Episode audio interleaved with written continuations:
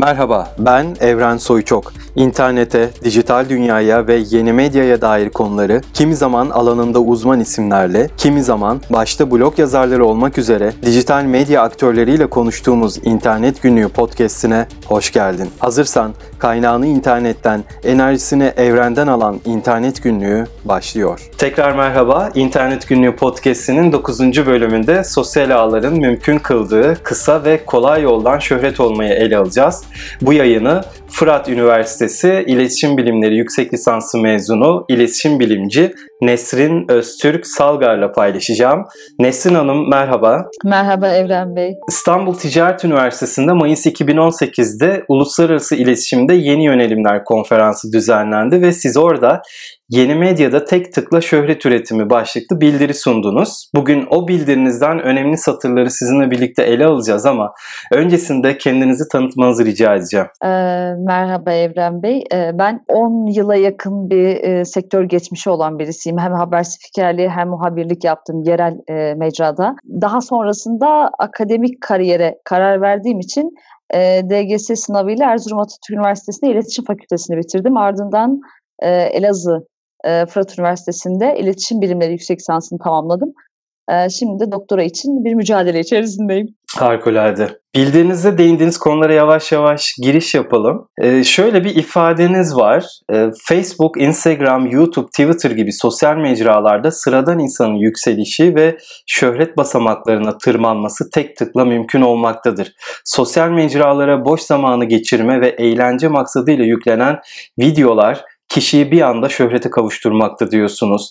Paylaşılan içerik her ne olursa olsun yüz binlerce, milyonlarca takipçiye ulaşmak bence hem tek tıkla olacak kadar kolay değil hem de bu şöhret olmak değil de sanki belki geçici bir popülarite olarak adlandırılabilir diye düşünüyorum.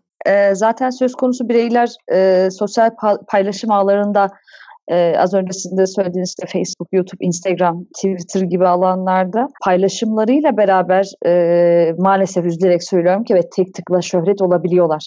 Yani bunun birçok örneği de zaten e, o bildiri sunumu esnasında da söylendi ya da şu anda da söyleyebilirim. İşte mesela evet. Yasemin Sakallıoğlu örneğini verebiliriz. E, Nilay Toprak örneği var, Kerimcan Durmaz var. Sadece tek bir videoyla milyonlarca tıka ulaştıktan sonra herkesin ağzında pelesenk olan kelimeleri e, ya da bir anda herkesin kendi sosyal mecralarında paylaşmasıyla gündeme oturan isimler.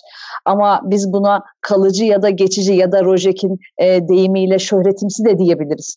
E, fakat bu e, bilinen bir gerçek. Hani kişinin şöhret olarak devam etmesi e, ya da e, o mecrada e, ünlenip de popülerliğini artırması yine kişinin kendi elinde olan bir şey, e, kendi e, yeteneklerine bağlı bir şey.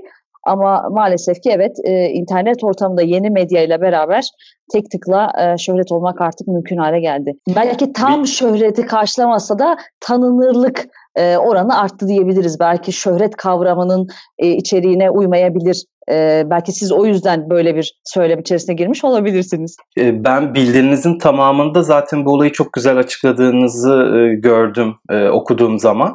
Peki Şöhret kelimesini özellikle mi tercih ettiniz fenomen yerine? Evet özellikle tercih ettik. Çünkü şey e, biz burada hani tek tıkla gelen şöhret üretimi derken sadece yeni medyadaki e, o şöhretleri ele almadık. Sinemadan başlayan bir star sistemi var. Star sistemiyle beraber televizyonda dönüşüme uğrayan bir şöhret sistemi var. Ve şöhret sisteminden sonra yeni medyada az önce de söylediğiniz gibi işte fenomenler e, ya da influencer'dı galiba değil mi? E, evet influencer. Bunlar var mesela. Evet. Şimdi ben ama genel bir e, tanınmışlık anlamında evet şöhret kelimesini tercih ettim. Peki. Son birkaç yıldır internette bir video devrimi yaşandığını sıklıkla dile getiriyoruz. Katıldığımız etkinliklerde de bu çok e, söyleniyor. Yazılı içerikten çok video içeriklerin hem öneminin hem de tüketiminin arttığını hepimiz gözlemliyoruz. Bildirinizi okuduğumda orada videolar için boş zaman etkinliği ifadesini sıklıkla yineliyorsunuz. Hatta şöyle diyorsunuz. Videoların bu kadar artmasının altında yatan nedenlerin arasında şöhret olma arzusu, değişen eğlence anlayışı ve boş zaman etkinliği olarak olarak internet kullanımı başı çekmekte. Örneğin YouTube ve Instagram'da video içerik üretenler için hadi buna dijital medya aktörleri olarak biz blog yazarlarını da dahil edelim. Bu içerik üretimlerini sadece şöhret olma arzusu veya boş zaman etkinliğiyle sınırlamak pek mümkün değilmiş gibi geliyor bana. Tabii ki birçok e, şekilde ele alınabilir. E, mesela şu an sizin yaptığınıza şöhret olma arzusuyla e, bir e, iş yapıyorsunuz diyemeyiz. Ama ben daha çok bu kısa vadeli çekilen e, videolardan işte eğlence maksadıyla atılan videolar neticesinde ya da daha çok doğal ortamında çekilen videoların bir anda tıklanmasıyla ben bu, bu tür videolardan e, bahsediyorum. E, bu tür videoları anlatıyoruz e, biz bunu yaparken. Ama e, şu da bir gerçek ki mesela reality şovlar, televizyonda reality şovların ön plana çıkmasıyla nasıl ki sıradan insan televizyondaki yerini aldıysa e, ve televizyona çıkmak için var gücüyle mücadele ettiyse ki ses programları, e, yetenek yarışmaları buradan da aslında sıradan insanın şöhret olma arzusunun nasıl kamçılandığını görebiliyoruz. Yine yeni medya e, mecrasında da aynı şekilde e, çoğu eğlence maksadıyla video çeken insanların e, tanınma, doyuma ulaşma, şöhret olma arzusuyla kamçılanmış olmalarını da görmek mümkün. Yani bu az önce yine saydığımız birçok isimden de yola çıkarak ki e, hatta şöyle de bir şey söz konusu. Birçok insanın e, bu ünlü olduktan sonra, tanındıktan sonraki röportajlarından yola çıkarak da aslında bunları e, söyleyebiliriz. Yani mesela Enis Arıkan'ın bir röportajı vardır ki o da televizyon e, geleneksel medyada yerini almasına rağmen yeni medyada şöhret olmuş, şöhreti yakalamış bir isimdir. Daha tanınırlığı artmış bir isimdir. E, ki kendi röportajında şöyle diyor, evet bana şöhreti yeni medya getirdi diyor. Her iki mecra da birbirini besliyor. Siz zaten bildiğinizde de bundan bahsediyorsunuz. Evet, hocamla beraber e, düşüncemiz bildiride şeydi, e, hep e, kendi alanımızda yeni med, yeni medya geldikten sonra eski olan e, geleneksel olan acaba yok olacak mı olmayacak mı tartışması sürer gider. E, ama biz şunu söyledik, e, bildirimizde de e, bunu paylaştık. E, yeni medya var olduğu anda e, eski medyayı yok etmeyecek tamamıyla iç içe geçmiş bir yakınsama söz konusu. Biz bunu şöhretler üzerinden ele aldık. Yine mesela Henry Jenkins'in e, Hayran Kültürü ve Yeni Medya diye kitabında e, o da başka türlü ele almış mesela bu yakınsamayı. E, birbirlerini yok etmek yerine e, ekonomi politik anlamda birbirlerine aslında ihtiyaç duyduklarını e, dile getiriyor. Biz de şöhret üzerinden e, yeni medya ile geleneksel medyanın iç içe geçtiğini, işte yeni medyada şöhret olan ismin televizyon mecralarında yerini alması ki mesela bunun örneği Yasemin Sakallıoğlu'dur. E, tek bir videosuyla ana haberlere düşüyor. Ana haberlerden sonra e, bir yönetmen eşliğinde dizilere çağrılıyor. Dizilerde oyunculuk yapmaya başlıyor. E, işte belki bu noktada yorum yapmak ne kadar doğru bilmiyorum ama yetenekliydi e, ve yeteneğin neticesinde işte ona sinema filmleri teklif edildi e, ki en son bildiğim kadarıyla e, Şahan Gökbakar'la bir e, sinema filmi çekilecek. E, ya da Cem Gelinlioğlu mesela o da Vine'larla, Vine'larla meşhur oldu. E, daha sonrası sinema filmleri ardı ardından geldi. Tabii kısa süreli o şöhretimsi dediğimiz isimler de oldu. İşte mesela İsa Yıldırım örneği eğer ismini yanlış telaffuz ediyorsam da özür dilerim İsa Yıldırım olması lazım. Hani bu görüyorsunuz anlatmaya gerek yok şarıl şarıl akıyor videosuyla. Evet, kısa süreli bir e, işte Türksel reklamlarında oynadı. E, yine bu isimler mesela yeni medyadan e, geleneksel e, medyaya transfer oldular. E, ki kısa süreli oldu. Mesela Veysel Mutlu, e, Mandalinacı e, o çocuk mesela e, sesi de güzeldi ama e, mesela şu anda e, piyasada yok, ortada yok. E, kısa süreli şöhretler de var. E, onlara da zaten şöhretimsi deniliyor. Yani çok e, ya da kaba tabirle balon şöhret denilebiliyor bunlara. Evet. Türkiye'de özel kanalların yayına başlamasıyla birlikte bizim daha doğrusu şeyin sıradan insan olarak tanımladığı kesim de ekranlarda kendisine yer bulmaya başladı ve bunda kırılma noktası yanlış bilmiyorsam eğer biri bizi gözetiyor yarışmasıydı. Sonrasında şu an seyrettiğimiz her şeyin aslında babasıydı BBG. Ben dün akşam Biri Bizi Gözetliyorum birinci e, sezonunun e, birincisi Melih Değirmenci ya da Melih Değirmencioğlu'ydu. Çok e, soyadını yanlış söylüyor olabilirim. Onun kendi YouTube kanalına yüklediği videoları seyrettim. Ee, ilk bölüm, ilk yarışmacılar 100 gün kalacakları eve girerken o bölümü. Sonra Melih'in YouTube kanalındaki abone sayısına baktım. Yüklediği videonun e, seyredilme, izlenme oranına baktım. Gerçekten bir dönem e, tabiri caizse o kadar olmadı belki ama milyonlarca insanın e, 24 saatini izlediği, peşinden koştuğu, e, klip e, bu yakaladığı şöhretle birlikte klipler çeken, işte kitap yayınladığımı bilmiyorum ama programdan programa koşan, Hülya Avşar Show'a çıkan bir isme dönüşmüştü Melih Değirmenci.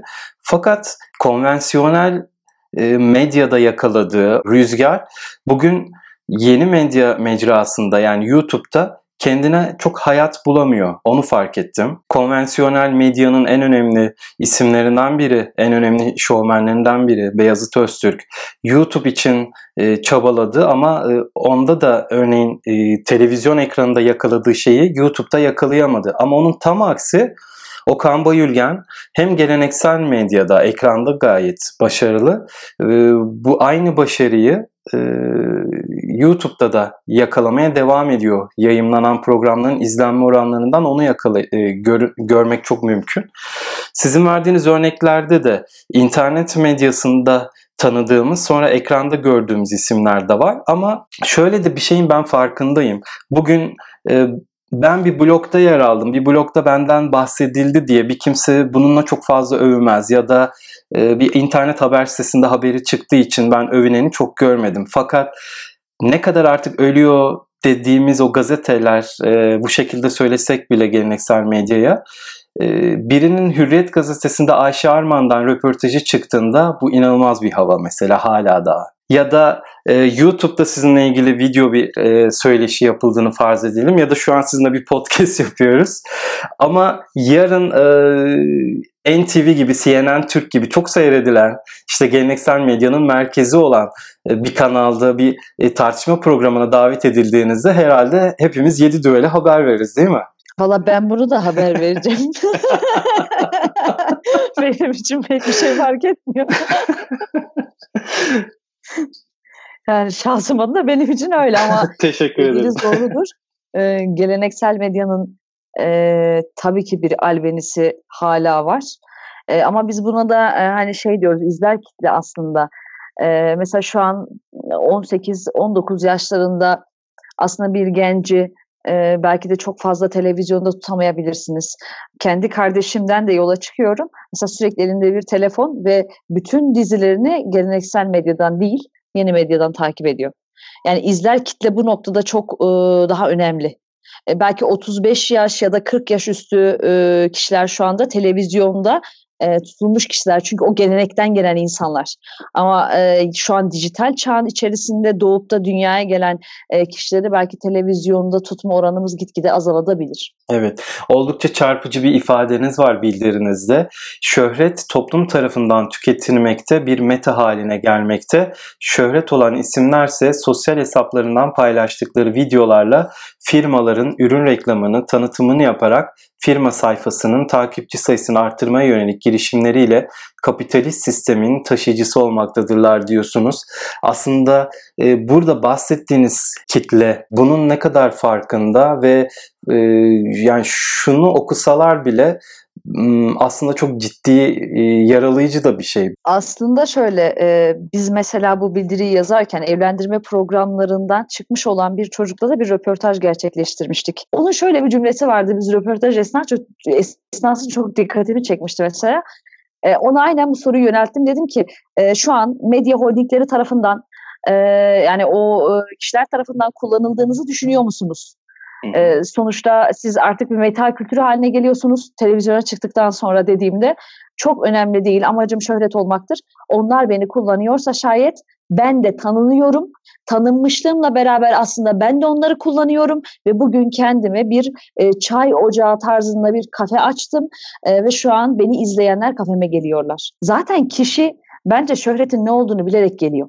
Ya ben öyle düşünüyorum en azından. Yani getirisi kadar götürüsü olacağını da tahmin ediyordur.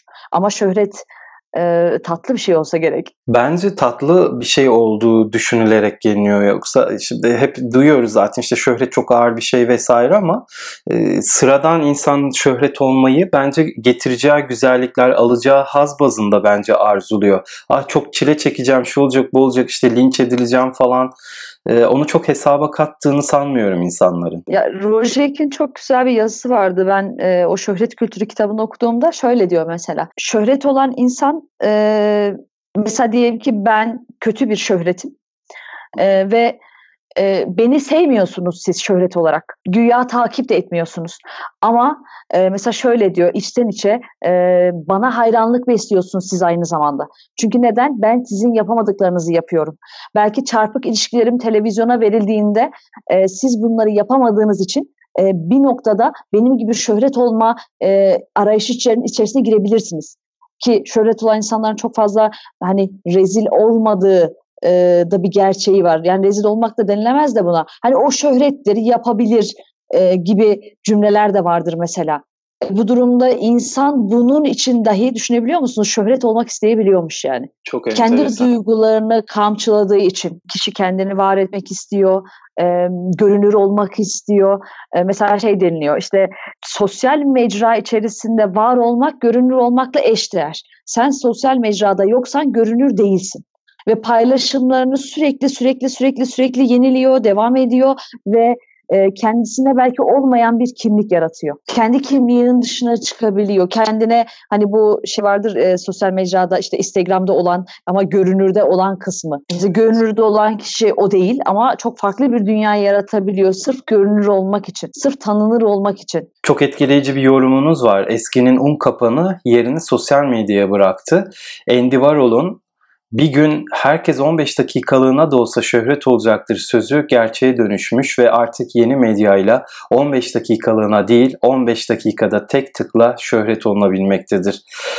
Sosyal medyada ünlenen birkaç isme göz atıldığında bu isimlerin şanslı oldukları kadar yetenekli oldukları söylenebilir az önce söylediğiniz gibi. Bir de yetenekleri olmadığı halde tıklanıp şöhrete ulaşıp doyuma ulaşan, tekrar kitle tarafından yok edilen şöhretler bulunmakta. İnternet kendi starlarını yaratmakta ama 15 dakika değil 15 asır silinmemek kişinin yeteneklerine, zekasına bağlıdır diyorsunuz. Ya bunu da şeyden biz yola çıkarak söylüyoruz. Mesela işte şöhretin ilk oluşumunda işte kahramanlar, e, toplumu etkileyen insanlar e, şöhret olarak bilinirken işte savaş kahramanları vesaire e, bunun içinde karizmatiklik var, çekicilik var, işte halkı yönlendirme var vesaire vesaire birçok şey sayılabilir. Ama sonrasında e, şöhretin e, şöhret kavramının, ünlü kavramının içi yavaş yavaş boşaltılmaya başlanıyor. Sinema ile beraber star sisteminde mesela şöhretler gizemli, mesafeli ama televizyonla beraber şöhretler her gün akşam evimizde e, bizim oturma salonlarımıza konuklar ve daha yakın özelliğinden dolayı daha bizlere yakın oluyorlar. Ya da işte magazin programlarıyla beraber onların artık özel hayatları gün yüzünde, özel hayatları ortada. Sonra geliyoruz yeni medyada. Yeni medyada tamamen şöhretin değiştiğini görüyoruz. Yani kişi artık kendi özelini kendi sayfasından çok güzel bir şekilde paylaşabiliyor. Ya da artık magazin programları dahi o e, kişinin, ünlünün sosyal mecrasından aldığı birkaç haberle, e, birkaç paylaşımla onun haberini yapabiliyor. Hani burada bildiride de söylüyorum. Çekmeyin kardeşim denilen dönemden artık bakın ne kadar da güzel eğleniyoruz deyip e, sanatçıların kendilerini ortaya koydukları bir döneme geldik. Bu mesela şöhretin bir dönüşümünü burada ben söyleyeyim. Ama o dediğiniz mesela işte bir gün herkes 15 dakikalığına şöhret olacaktır sözü. Evet gerçeğe dönüştü mü? Dönüştü. Nasıl dönüştü mesela? Danla Bilic örneği, Kerimcan Durmaz örneği, Aslı İnandık örneği. Ee, yine az önce söylediğimiz işte Veysel Mutlu örneği. Bir video, anlık dikkat çeken bir konuşma, bir yazı, bir fotoğraf. Ee, saniyeler içerisinde e, belki bunu biraz abartabiliyor, abartabilirim saniyeler diyerek ama e, bir anda e, kişi tıklanıyor, takipçi sayısı artıyor. Bir bakıyorsunuz geleneksel televizyon içerisinde talk show'lara konuk olmuş, e, kendini anlatıyor, kendini tanıtıyor. O zaman evet Andy Warhol'un söylediği cümle gerçeğe dönüşüyor. Hatta gerçeğe dönüştüğü yetmiyor. Mesela Andy Warhol ne diyor? Bir gün herkes 15 dakikada şöhret olacaktır diyor. Şimdi 15 dakikada şöhret olunuyor. O zaman Yeşilçam e, sanatçılarının hep açıklamaları vardır. Siz de bilirsiniz. E, biz ünlü olmak için un kapanına geldik. Ya da o sanatçıların işte şarkı e, söyleyen insanların hep tabirleri böyleydi. Un kapanı bizim hep aklımızdadır. Belki şimdiki insanlar bilmez onu da yani bizden daha küçükler. E, ama artık un kapanı yok. Yani herkes sosyal mecra üzerinden kendi yeteneklerini olan yeteneklerini ya da olmayan yeteneklerini sergileme derdindeler. Mecra bulanıklaşması var, tanım bulanıklaşması var zaten. Ee, şöhret nedir, ünlü nedir, fenomen nedir, influencer nedir ya da işte sosyal medya ile geleneksel medyanın o geçişkenliği arasında bir bulanıklık söz konusu. İşte yeni medyanın internetinde un kapanı, un kapanları artık farklı mecralar. Bugün artık Facebook'un bile eskidiğini e, ve orada kimsenin kalmadığını e, söylüyoruz. Orada paylaşımlar yapmıyoruz, aklımıza bile gelmeyebiliyor. E, şu an hepimiz farklı yerlerdeyiz, farklı yerlere yoğunlaştık. E, yeni bir, bir mecra çıkacak. Bu sefer bütün enerjimizi oraya vermeye başlayacağız. İçerik üretme ya da içerik tüketme anlamında. E, sistem halkın içinden sıradan bireyi, sıradan hayat hikayesiyle internetten alarak televizyon ekranlarına sürmektedir diyor açıklıyorsunuz ve bunu geleneksel medya yeni medyanın neresinde sorusu üzerinden şöyle açıklıyorsunuz.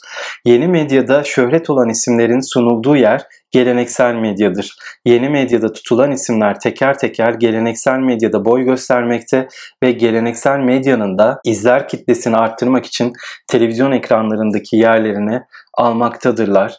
Ben özellikle bu e, yemek programları, ses yarışmaları vesaire sıradan insanı bulmak, ona ekrana çıkarmak daha kolay ve daha az masraflı olduğu için tercih edildiğini düşünüyorum. E, muhakkak yani e, bir kere ekonomi politik perspektiften bu konuya bakmak lazım. Medya için e, şöhret kavramının önemi büyüktür. Medya patronları için de.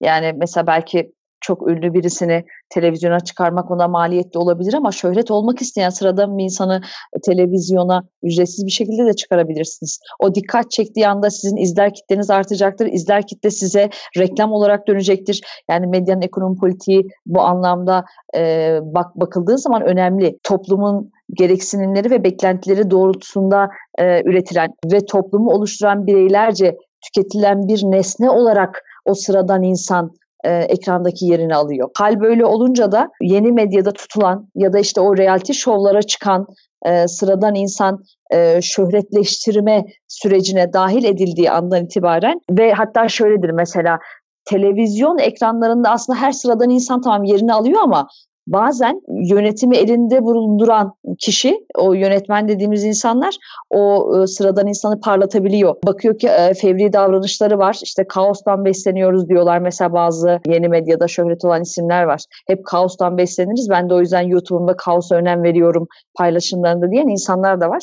Ama galiba biz gerilimden de hoşlanıyoruz toplum olarak. O geleneksel e, mecrada da hep bir tartışma, hep bir nasıl söylenir ona bir kaos var aslında. Yani Yemekteyiz programı hatta sizinle daha önce konuştuğumuzda da o kadar güzel bir şey söylediniz ki ya bizim sofra adabımız bu değildi ama bu oldu. Aslında burada da şöyle bir şey var. Bu yıllardır aslında cevabı da verilen bir şey değil. Tavuk mu yumurtadan çıkar, yumurta mı tavuktan çıkar? Hı hı.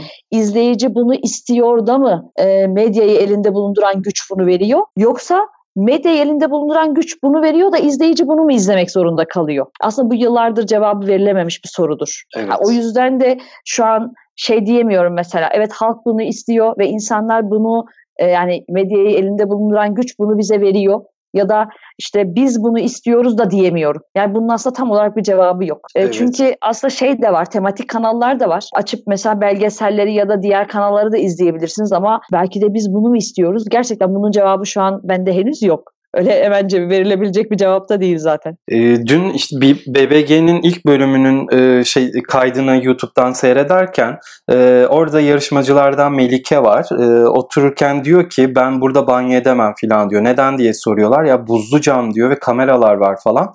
E, ama buraya geldin artık diyor diğer yarışmacı. Şimdi o süreçten o yarışmanın üzerinden yıllar geçti. Bambaşka bir yöne evrildi Türk medyası, yarışmanın formatları vesaire. Ama şimdi biz bugün Yemekteyiz programını tartışırken ki o tartışmalar da bitti zaten. Şimdi bambaşka şeyler tartışıyoruz. Her şey bizde olağanlaşmaya başladı. 10 yıllar önce biri bizi gözetliyor gibi bir evde işte kameraların önünde o e, özel yaşam mahremiyeti yaşanırken e, şimdi aynı yarışma programı gerçi birkaç yıl değil yine bir 10 yıl farklı galiba Big Brother başlamıştı. O da bir sezon ya da iki sezon devam etti. E, şimdi gelinen noktada tabii bu da ayrı bir tartışma konusu. Bu tarz yarışmaları tekrar düzenleyebilmek farklı toplumsal yapılar oluştu artık. Çok mümkün değilmiş gibi geliyor. Yani bugün biz yemekteyiz'i tartışırken o sofra adabımız nasıl bizim bu şekilde yok oldu diye 10 yıllar önce mahremiyet BBG evinde yerle bir ediliyor mesela. Ama bir, taraftan da tabii bizim Instagram'dan tutun TikTok'a kadar sergilediğimiz, paylaştığımız tırnak içerisinde muazzam görüntülerimiz de var. Yani her şey artık o kadar neresinden tutsak elimize kalacak hale gelmiş gibi geliyor bana. E tabii yeni, med- yeni medyada da mahremiyet ortadan kalktı artık.